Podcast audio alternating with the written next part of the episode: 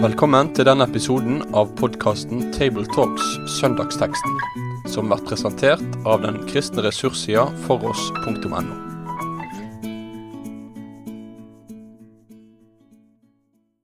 Vel møtt til en ny Tabletalks samling om søndagens tekst.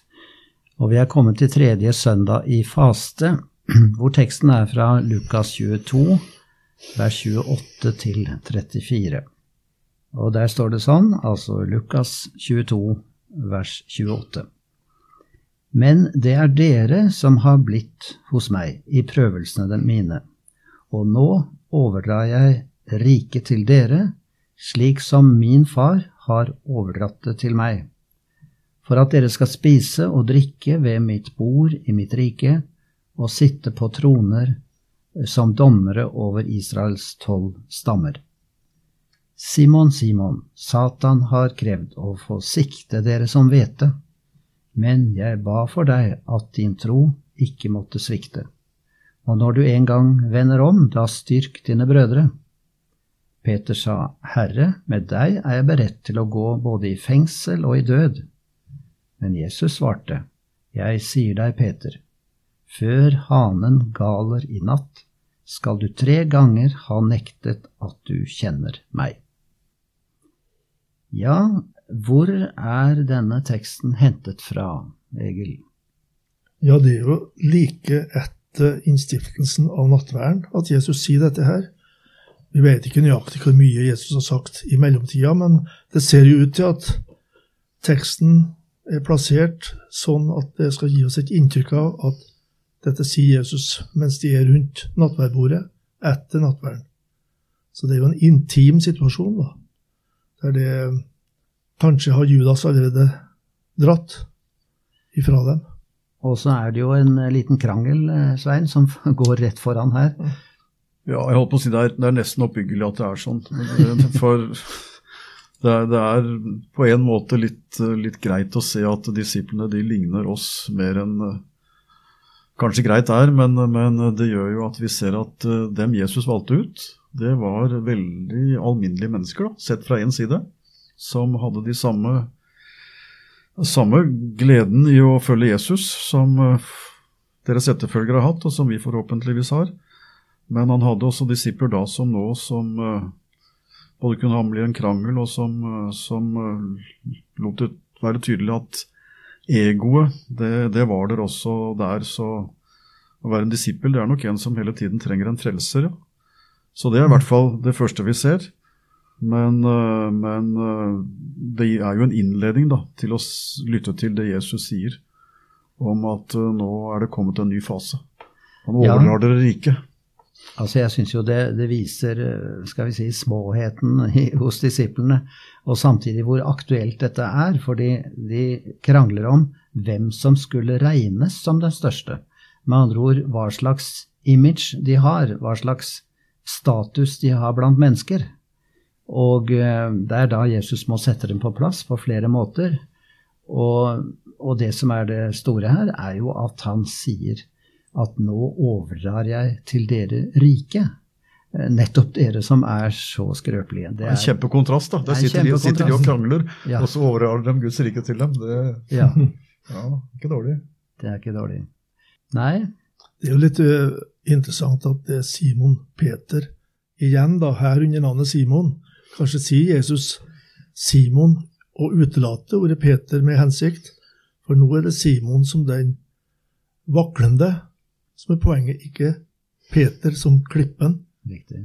For Simon skildres her da som en som Satan krever å få i sin makt, og det ser ut til at Satan i en forstand greier det.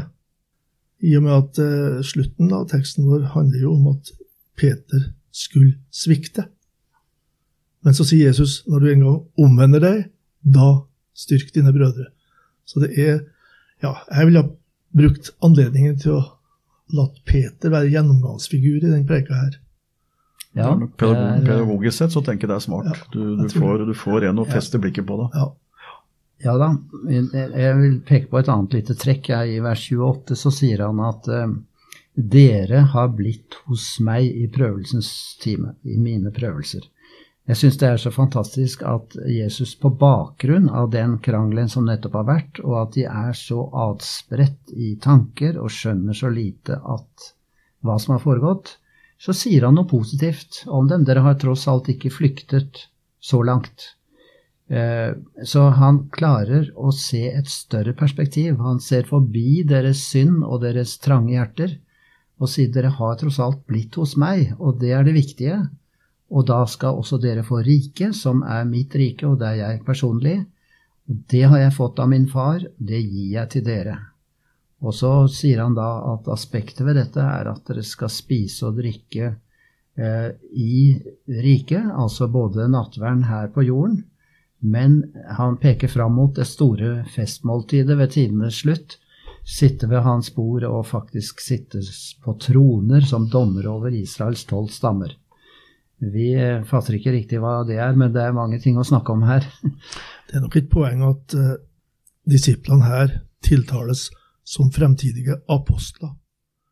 Dere skal få riket, og dere skal dømme. Det betyr å klargjøre hva som er kristendom, og hva som ikke er det. da.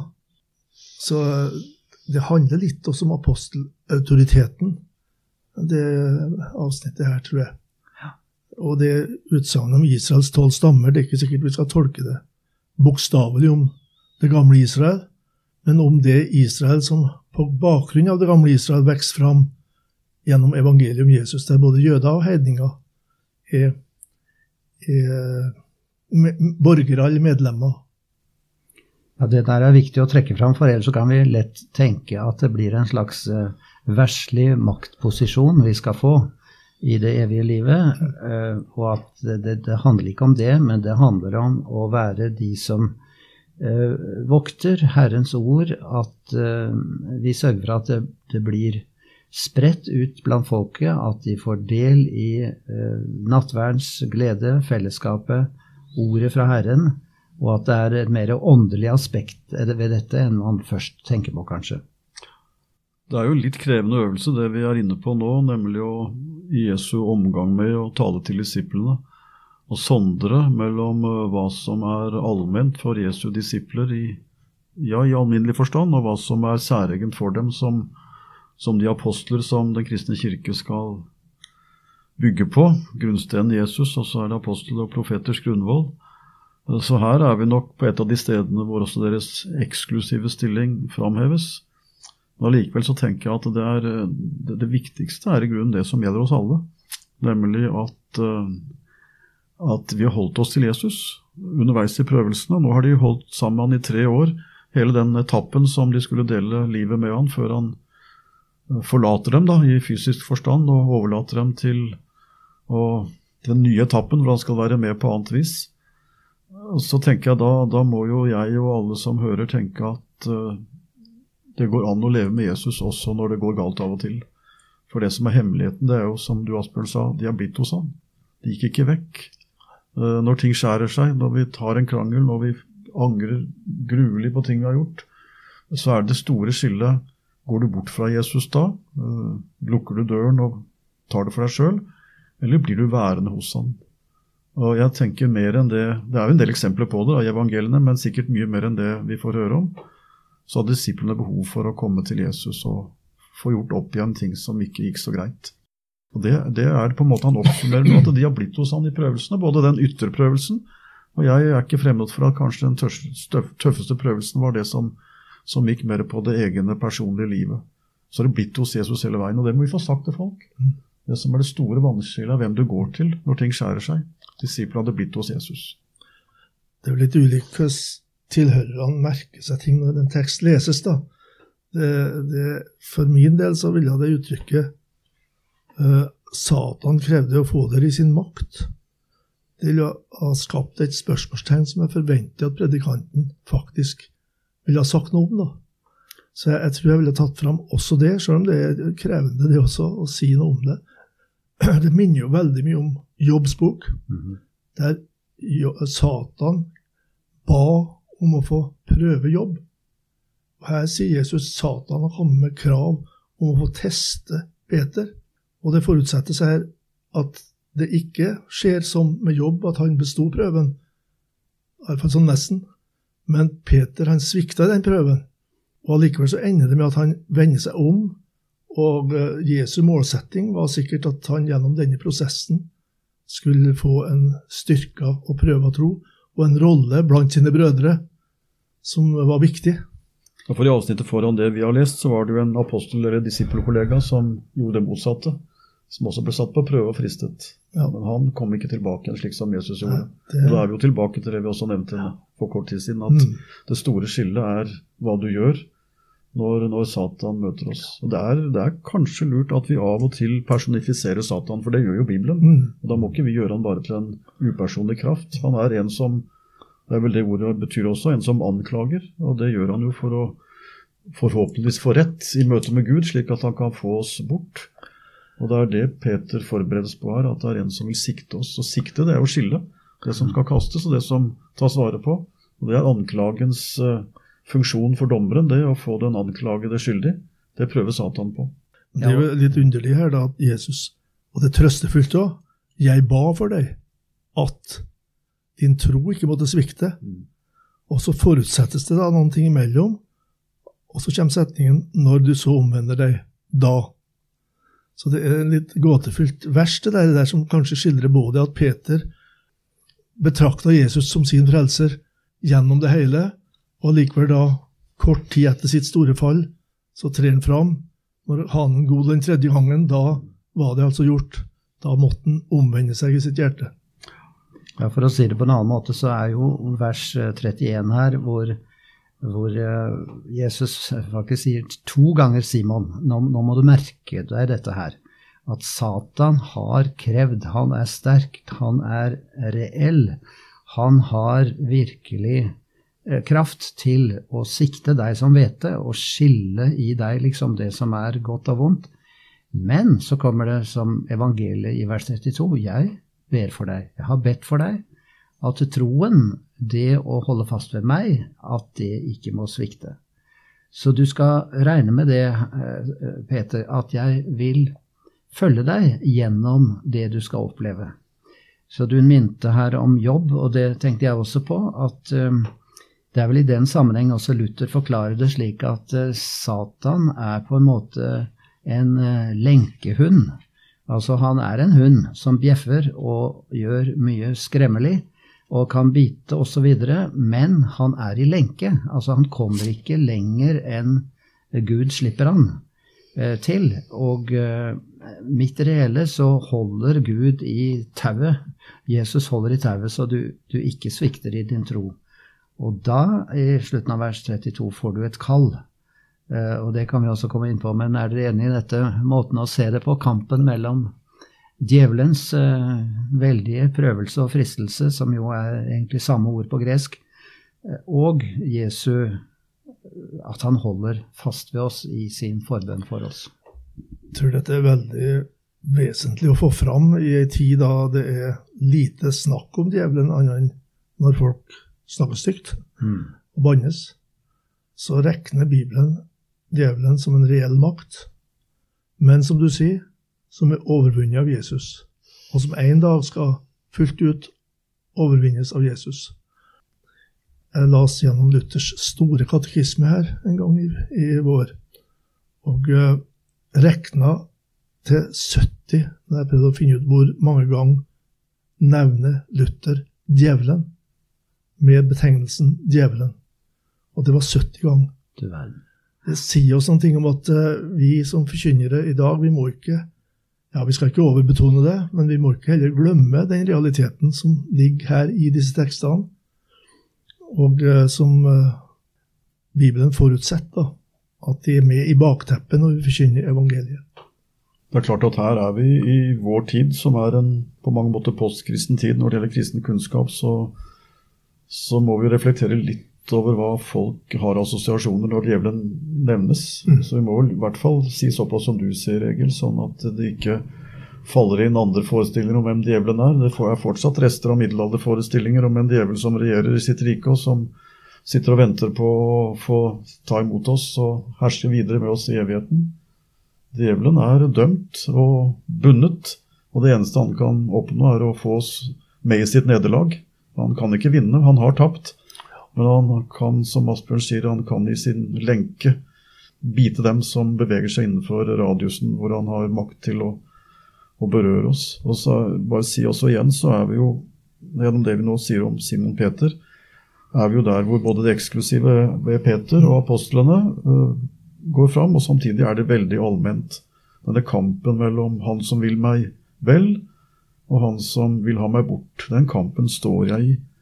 Og da vil nok jeg si til mine tilhørere det som jeg selv trenger å høre, at det var ikke bare Peter som ble bedt for. Jesus sier i Romen 8,34 at, at han ber for oss ved Faderens høyre hånd. Og det må vi si til folk, da. Når det er en som bjeffer og vil bite deg, så er det en bror, en broder ved Guds side som alltid treder fram for meg. Vi må tale enkelt og tillitsfullt til folk om, om nettopp at i den kampen så er det en som er sterkest. Men de kommer ikke utenom den.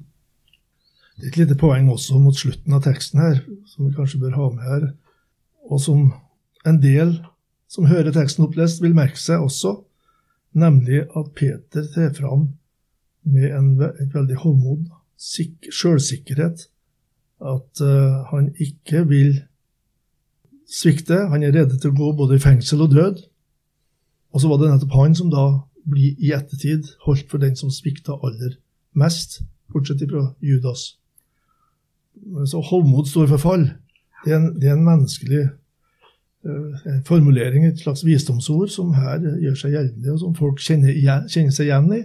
Og så må vi vise hvordan Jesus også kan ta seg av en, en som har falt. Det er vel ikke tilfeldig at det er Peter som i sitt brev skriver at Gud står de stolte imot, men de ydmyke gjør nåde. Det er Peter som skriver. Det er Så det er, det er, ikke bare tørr lærdom. Erfaring. Det er, det er erfaring. Det er noen som skrev i Bibelen PE, prøvet og erfart. Prøvet og erfart. det tror jeg. Prøvet Men jeg tenker på det jeg ba for deg, at din tro ikke måtte svikte.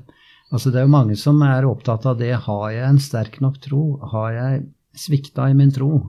Altså, så begynner man å granske sine følelser og sin lojalitet og sin opptatthet. og Da syns jeg det er fint eh, det som vi begynte med her, å minne om trekke linjen til det første verset. Dere har blitt hos meg i prøvelsene mine. Altså Det betyr jo bare å være hos Jesus, det. For sviket kommer når vi forlater Jesus, når vi slutter å regne med han, når vi blir mer opptatt av vår egen posisjon og styrke og, og evne til å å gå både i fengsel og død, som Peter snakker så overmodig om. Det, vi er egentlig skrøpelige også i våre forsetter, for å bruke et gammelt ord. Vi kan love både dette og hint, men altså, det kan svikte i vårt liv. Men Peter ble tross alt hos Jesus eh, gjennom alt sammen, og, og det ble hans redning.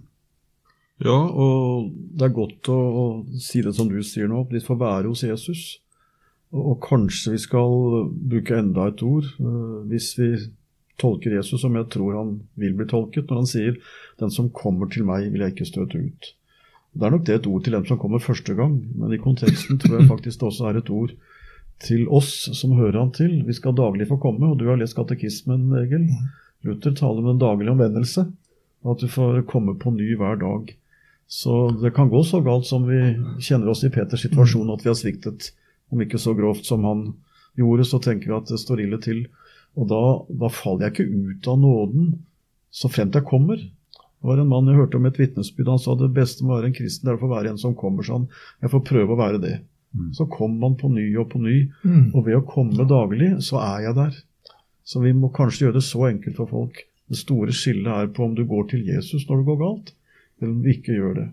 Jeg var nylig eh, sammen med noen barn. Skulle ha en bibelundervisning for 10-12-åringer. Så det er rett som det når jeg kommer bort til en sånn prekentekst, så begynner jeg å tenke hvordan skulle jeg ha gripet dette an overfor barna?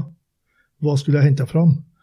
Og da vet jeg ett poeng her som jeg tror barna ville ha hatt interesse av og lett fulgt med på.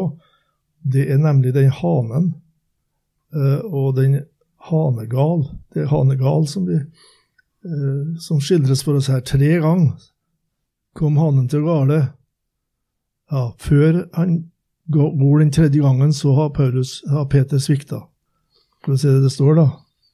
hanen skal ikke gale i dag før du tre ganger har nektet at du kjenner meg. Mm. Men andre tekster står det jo at hanen gol flere ganger. Og eh, det er veldig bra at Gud har noen sånne haner, da. Mm. Og Det er jo bilde, kan være bilde på Guds ord og loven som vekker oss opp til virkelig å tenke gjennom. Gud har ulike måter å Ja. vekke oss på. Ja. Det gjorde han med Peter også. Og har vi veldig god tid i prekenen, det får vi sikkert ikke, men så er det jo også en eh, oppbyggelig sak at Jesus i sin tid lar Peter tre ganger få spørsmål om han elsker ham. Ja, ja, Det er på en måte at han får lov å komme tilbake en gang for hver gang ha en gol og fortelle at han er tilbake der hvor han var. Så du vet, Peter han er med alle sine skrøpeligheter og sitt frimodighet og alt det der, så er han, han er så lik oss andre at det er, det er godt at han, at han stilles fram. Mye å lære. vi kjenner oss igjen. Jeg har inntrykk av at denne teksten er eh, veldig oppdragende i retning av at vi blir ydmyke overfor Gud. Men det, er- når vi snakker om ydmykhet, så er det jo lett å betrakte det som en form for eh, selvutslettelse, og eh, at man får en eh, lite selv, egenverdi, altså selvforakt er jo en avveie det. Jeg har lyst til å komme med et sitat om hva sann ydmykhet er, det er en amerikaner som sier at eh, det ydmyke mennesket er ikke en menneskelig mus med et sterkt, sterk følelse av eget mindreverd. I stedet kan han i sitt moralske liv være tapper som en løve og sterk som Samson, men han har sluttet å bli fordervet av seg selv. Han har godtatt Guds vurdering av hans eget liv. Han vet han er så svak og hjelpeløs som Gud har sagt at han er. Men paradoksalt nok, han vet samtidig at han i Guds øyne er viktigere enn engler. I seg selv intet, i Gud alt. Det er hans motto. Og jeg tipper at Peter lærte noe om dette gjennom sitt liv, og vi må ikke hoppe over det viktige leddet at når eh, han skulle omvende seg omsider, Peter, og det var altså sikkert en omvendelse fra hovmodet i retning av en sann ydmykhet, da har du fått et kall, Peter, og det er å styrke dine brødre. Altså det å være opptatt av å oppmuntre, styrke, gi åndelig mat til Guds folk. Og det må jeg si er eh, blitt veldig viktig for meg gjennom mitt liv, å gi åndelig mat videre. Og kanskje vi skulle tenke mer på det i vår hverdag, enten vi nå er predikanter eller har andre tjenester.